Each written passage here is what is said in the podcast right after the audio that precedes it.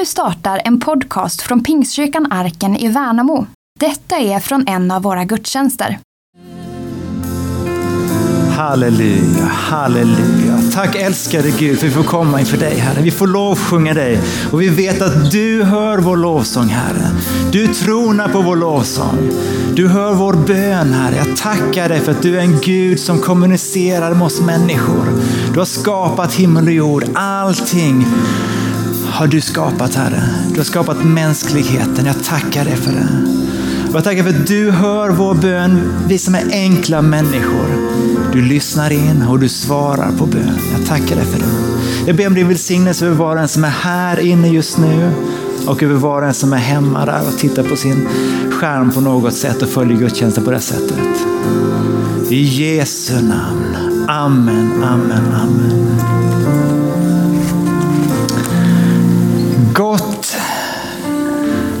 Rubriken på den här predikan som jag ska ha är så här. Vårda din relation med Gud. Det är nämligen så att du kan ha en relation med Gud.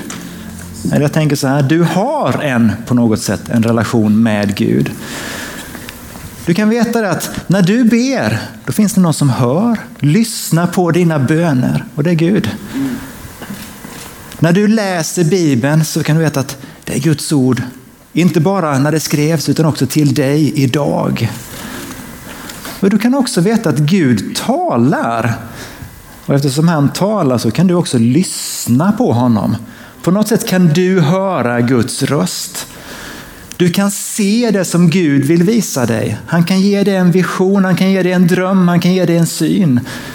För Gud, han vill ha en relation med dig. Du kan liksom uppleva hur Gud talar till dig. Och du kan också be Gud om förlåtelse för saker som du har gjort.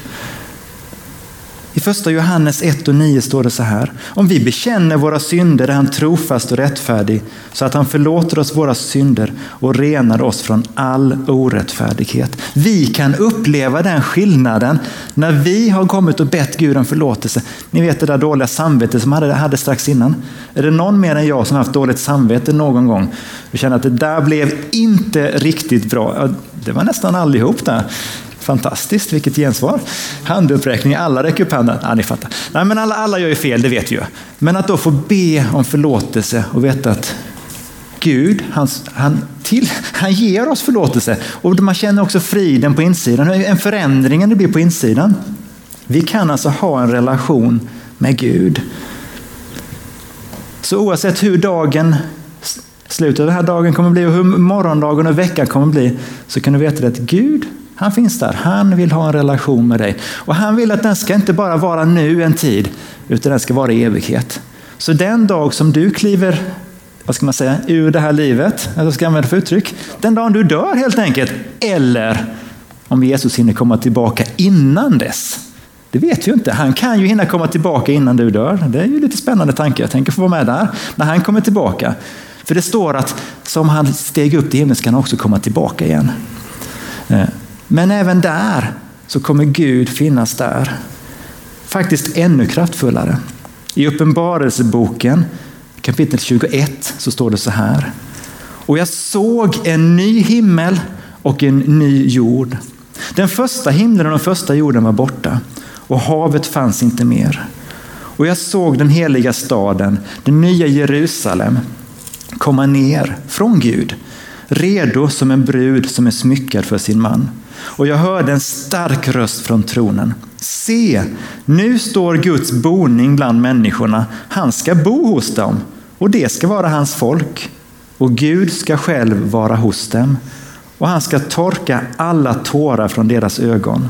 Döden ska inte finnas mer. Och ingen sorg, ingen gråt, ingen plåga. För det som förr var är borta. Är inte detta en ganska vacker beskrivning egentligen? Gud kommer själv i evigheten, bo bland människorna och han själv ska torka tårarna från ögonen. Alltså är inte det ändå liksom ganska nära i en relation när man går fram och torkar tårarna från någon? Jag vet inte om du har varit med om det, kanske när du var liten, att du kröp upp i mammas famn och grät. Ni vet det här, man, det hände någonting, man blir riktigt ledsen, man vågar inte gråta för man kom nära någon man kände. Eh, man kunde ju slå sig hur mycket som helst utan att börja gråta direkt. Det kom först när man kom hem, öppnade dörren. Ah! Ja, ni kanske inte varit med om det, men någon har säkert varit med om det någon gång. Jag tänker så här att relationen med Gud är en relation på alla plan. Alltså du kan höra Guds röst, du kan se det Gud visar dig. Du kan på olika nivåer ha en relation med Gud. Vi är olika, det också, betyder också att vår relation med Gud kan vara på lite olika sätt. Och Jag tror att Gud kan tala till våra sinnen. Vi pratade redan precis innan här, liksom, hur olika sinnen, liksom, vi pratade om lukt bland annat, den, den är lite intressant tycker jag, men vi, vi tar den snart. Eh, vi ska läsa från Apostlagärningarna 22.14. Det är när Paulus återberättar vad han var med om. Då säger han så här. Då sa Ananias, våra fäders Gud har utvalt dig till att lära känna hans vilja och att se den rättfärdiga och höra rösten från hans mun. Du ska vara hans vittning för alla människor och vittna om vad du har sett och hört. Se den rättfärdiga, sa han. Synen. Jesus säger så här, saliga de renhjärtade för de ska se Gud. Jag vet inte hur du fungerar, men vissa har den förmågan att om du blundar Liksom, ibland har jag gjort det experimentet. Man blundar och så tänkte jag att du går på en äng, du kommer fram mot en bäck, den pålar lite grann, den rinner ut i en sjö. Ute i sjön finns det, sjön finns det en ö där ute med några träd på och solen glittrar i vattnet. Vissa kan se det framför sig när man blundar. Är det någon av er som är här inne, ni vet ni kan se saker framför er när ni blundar. Jag ser någon hand här på första bänk. Och du som inte gör det, du kanske tillhör samma kategori som jag gör. Jag ser ingenting när, det så, när folk börjar berätta. Du vet, blunda, tänk på en burk Coca-Cola. Ja, jag tänker på det med det, lika svart fortfarande. Men man är ju olika och det är så vi är. Och Gud vill tala till våra olika sinnen, tänker jag. Han kan ge syner, drömmar och visioner där man ser saker framför sig. Sen kommer det ett uttryck, eller ett ord som är kanske lite mer frekvent i Bibeln, tänker jag. Att vi hör någonting, hörseln. Kanske för att jag tycker det är lätt att höra Gud än att se. Ah, fattar, ah, nej, man gör ju lätt saker, teologi av sin egen upplevelse. Eh, alltså just det här att Adam och Eva, att Gud talade till dem, han sa var fruktsamma och förök er, uppfyll jorden. Och Gud sa till Abraham, gå ut ur ditt land och din släkt jag ska, till ett land som jag ska visa dig. Och till Jeremia, han säger så här, Herrens ord kom till mig, han sa, innan jag formade dig i moderlivet utvalde jag dig. Och innan du kom fram ur moderskötet helgade jag dig, jag satte dig till profet för folken. Men jag svarade, skriver, säger Elia, eller Jeremia, en kommunikation alltså, en relation. O herregud, jag kan inte tala för jag är för ung. Då sa Herren till mig, säg inte att jag är för ung, utan gå vart jag än sänder dig och tala vad jag än befaller dig. Och var inte rädd för dem, för jag är med dig för att rädda dig, säger Herren. Och Herren räckte ut sin hand, rörde vid min mun och sa till mig, se jag lägger mina ord i din mun. Alltså Gud kan tala till dig så att du fattar att det här är Gud som vill säga någonting. Om du är med om det någon gång, så kan jag ju uppmuntra dig med att du är inte helt unik i just den upplevelsen. Det är ganska många tidigare som har också varit med om det. Annars kan man ju lätt bli lite sådär nojig. Wow, jag är liksom något super, super duper speciellt. Mm, det är du faktiskt, men kanske inte riktigt på den nivån om du fattar. Känsel, nu börjar det bli lite svårt och lite krystat tycker jag, men vi provar i alla fall. Eh, jag tänker på den här kvinnan som har haft blödningar, som verkligen tog sig fram mot Jesus och fick tag i hörntofsen och Jesus sa till henne, alltså var lugn min dotter, din tro har frälst dig. Och från den stunden blev hon frisk. Det finns någonting att ta tag i, sträcka sig mot Jesus. I lovsången gör vi ofta det, vi lyfter händerna och sträcker oss mot Jesus, mot himlen, mot Gud. Vi vill liksom på något sätt känna Guds närvaro. Ja, och på tal om känna, vi har en dopgrav här borta. Om du inte blivit döpt så kanske snart är läge för dig att få gå ner, känna hur vattnet är runt omkring dig. Det är väl känsel om någonting. Eh, I vissa fall har man nåden att man slagit på värmen dagen innan. Och I annat fall så har man inte gjort det och då är det betydligt svalare i vattnet. Men det, det är känsel oavsett vilket. Det. Och det, vi gör ju, dop gör vi inte bara för att liksom vi tycker det är en kul grej, utan det är för att Jesus sa det. Den som tror och blir döpt ska bli frälst. Eh, smaken, ja, hur gör vi det nu då? Smaka och se att Gud är god, står det, eller Herren är god. Psalm 34. Ja, det är väl ändå rätt bra. Smaka och se. Eh, och vi gör också det någonting praktiskt här. Vi firar nattvard med jämna mellanrum. Vi kommer fram, tar del av brödet och vinet. Vi smakar och ser. Vi smakar. Och vi, nattvarden firar vi också för att Jesus har sagt det, att vi ska göra det. Lukten, nu, nu börjar det bli lite sådär småproblematiskt. Eh, men jag hittade i alla fall ett bibelord där det står så här i Andra Korinthierbrevet 2 och 14. Men vi tackar Gud som ständigt för oss fram i Kristi segertåg och sprider sin kunskapsdoft genom oss överallt. Ah, det var kristet, jag vet, men vi släpper det där. Eh, vi kan alla ha en relation med Gud och jag tror att den kan vara på olika, många olika plan. Grunden för att vi kan ha en relation med Gud, den ligger i ordet syndernas förlåtelse faktiskt. Syndernas förlåtelse är grunden för att vi enkla människor ska kunna ha en relation med Gud. Du känner till hur Bibeln börjar, att Gud skapade sak efter sak efter sak efter sak. Han skapade det som växte, han skapade djur, han skapade människan, han såg att det var gott. Och han gav också instruktioner till människan. Du får äta av alla träd, men inte just det här trädet. Ja, du känner till hur det gick. Kvinnan och mannen, Adam och Eva, de käkade frukten som inte fick och syndafallet var ett faktum.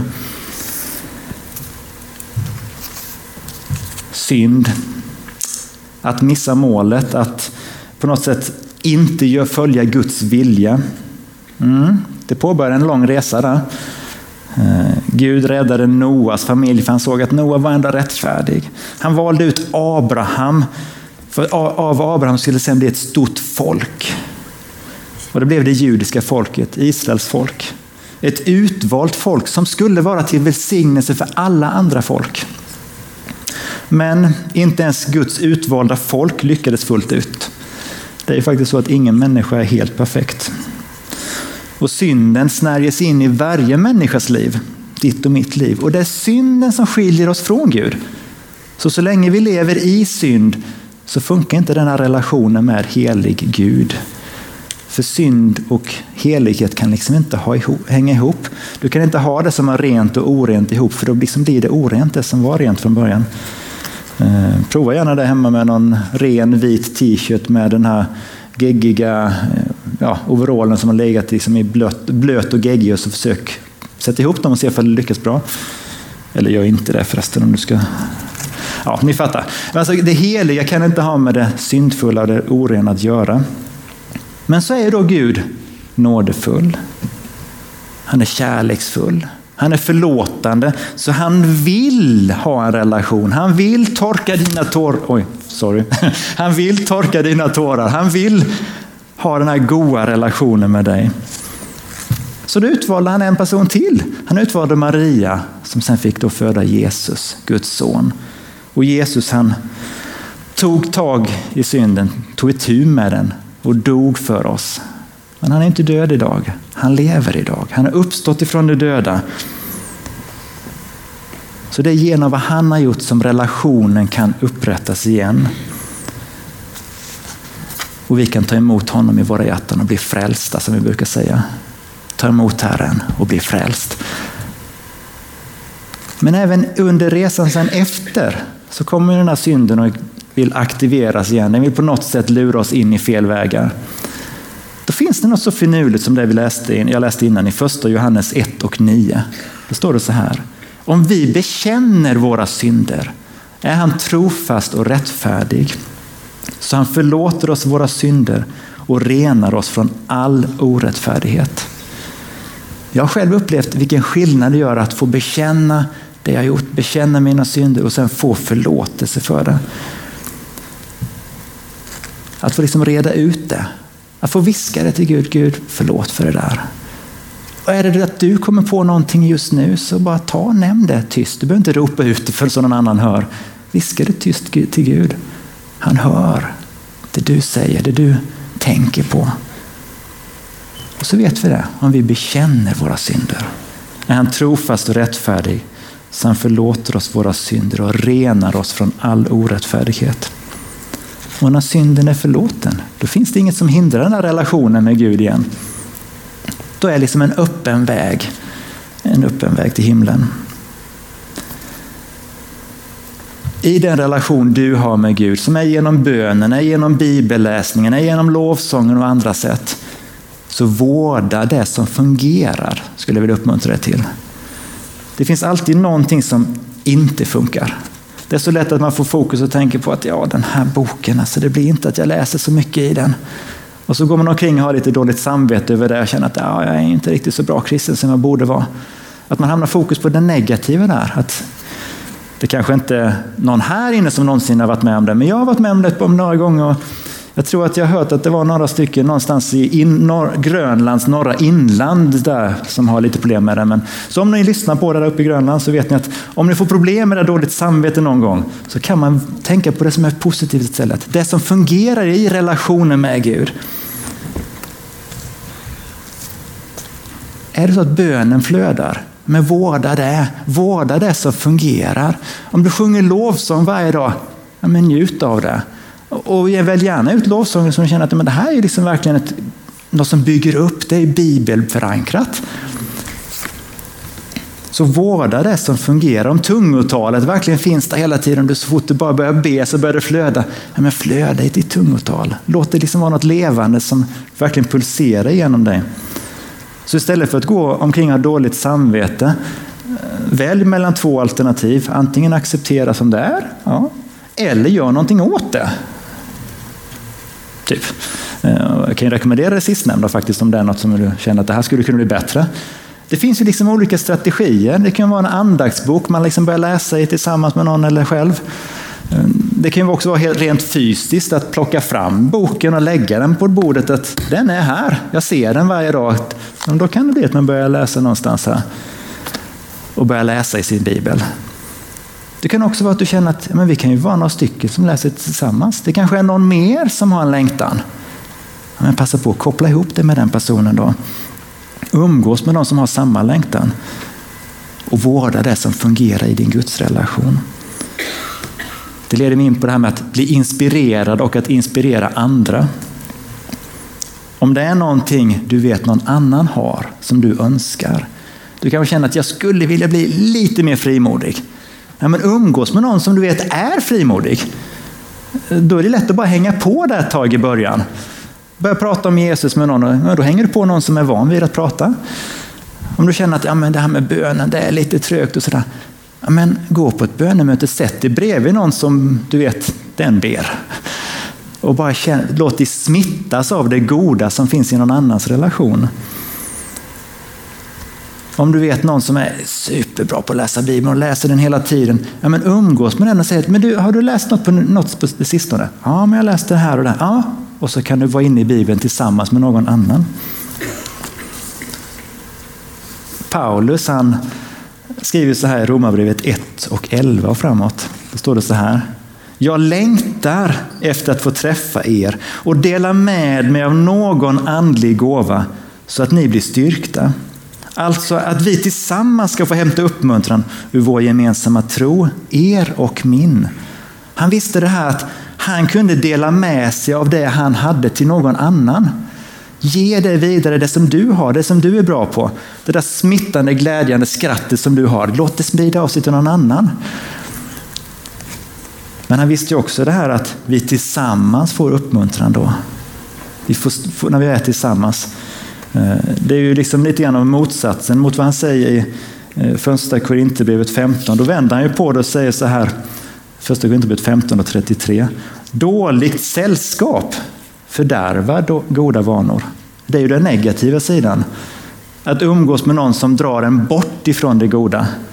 Eh, det vill vi inte fokusera på. Vi vill liksom istället att vi komma mot Gud, med Gud, för Gud. Sen kommer de här tuffa dagarna när man känner att det här, nu är det jobbigt alltså. Då finns det ett, ett ord, håll fast. Håll fast vid det som du vet är rätt. Till Timoteus skriver Paulus så här. Du däremot, Håll fast vid det, det du har lärt dig och blivit övertygad om. Du vet av vilka du lärt dig. Och du känner från barndomen de heliga skrifterna som kan göra dig vis så att du blir frälst genom tron på Kristus Jesus.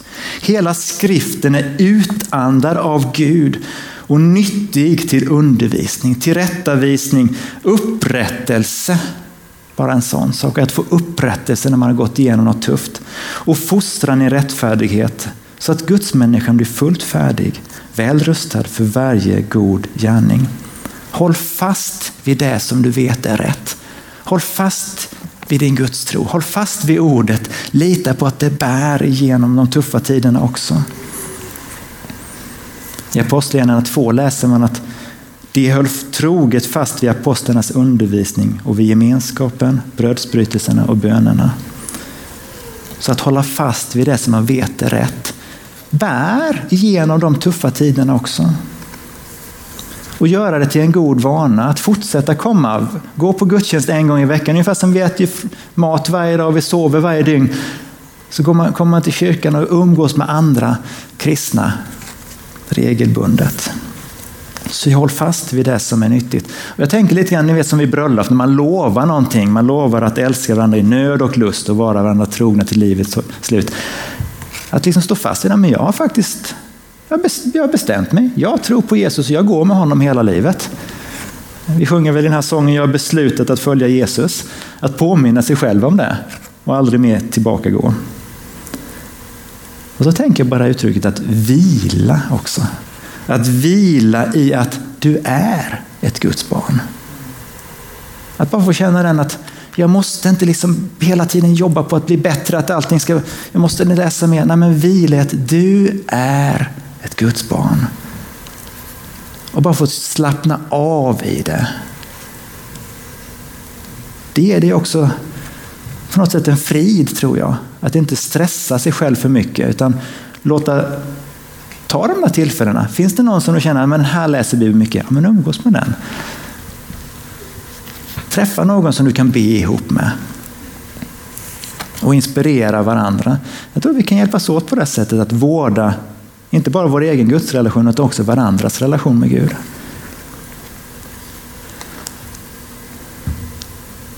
Det kommer finnas tillfälle för förbön nu här framme under tiden vi sjunger några sånger tillsammans. Så ifall du känner att jag skulle vilja be tillsammans nu direkt, att bara ta chansen direkt, känna att ah, men nu slår jag mig ner här och be tillsammans med någon. För att liksom på något sätt känna att men nu tar jag ett steg. Så känn dig varmt välkommen fram att bara be tillsammans med Johanna som kommer vara framme och vara förebedjare.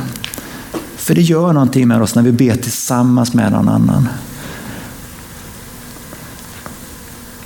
Jag ska be för dig här där du sitter eller där du är hemma och tittar också. Att du ska få verkligen uppleva Guds frid och få känna att den relation som är påbörjad kan också få väckas till liv igen om den har börjat gå ner i något, ja, att du inte riktigt livet i den. Men också att du får känna din, den frid som bara Gud kan ge. Han kan uppmuntra dig, han kan ge dig en ny kraft för dagen. Tack älskade Gud för att du är kärleken. Du älskar oss var och en. Det är därför som du inte gav upp med oss när vi vände dig ryggen. Det är därför du har fortsatt söka upp oss människor, för du vill ha en relation. Det är därför du talar till oss, du visar dig för oss. Och jag tackar dig för det. Jag ber för var och en som är här inne just nu, för var och en som lyssnar där hemma. Kom med din frid, Herre. Låt relationen med dig, Gud, för verkligen få blomma upp, blomma ut på nytt, Herre. Hjälp oss att vända tillbaka till det vi vet är rätt. Bygga på det läsa ditt ord, bara få njuta av att du kommer med ditt ord till oss. För du har gjort allt för oss Jesus. Du kom ner på den här jorden, du gick omkring och hjälpte människor. Du botade den som var sjuk. Du kastade ut onda andar för den som var besatt. Du undervisade människor med liknelser på olika sätt.